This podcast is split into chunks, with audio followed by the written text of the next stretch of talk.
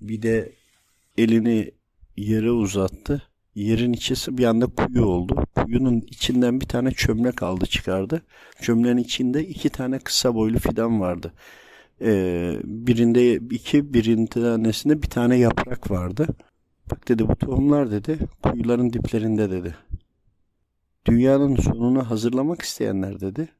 Bir taraftan dedi toprağın altında kendilerine dedi tohum tarlaları yapıyorlar. Hani ben şunu anladım. Ee, daha altlarda, boş olan yerlerde veya farklı kıtalarda her neredeyse dehlizler veyahut da bir takım yerler var toprağın altlarında, içeride. Oralarda tohum yetiştiriyorlardı ya anladım. Buraya araya girdim. Dünyanın sonunu hazırlamaya çalışanlar altta tohum yetiştiriyorlar. Zannediyorlar ki planları başarıya uğrayacak. Büyük kıyamet ve kıtlık olacak. Onlar da kendilerini buradan besleyecek. Duyarsınız yakında. Siz hiç korkmayın. Dua edin. Onlar başarıya ulaşamayacaklar. Planladılar. Sağ kalmak için de kendilerini kurtarmak için de kendilerine zemin hazırladılar. Onların dediği gibi olmayacak. Endişe etmeyin dedi.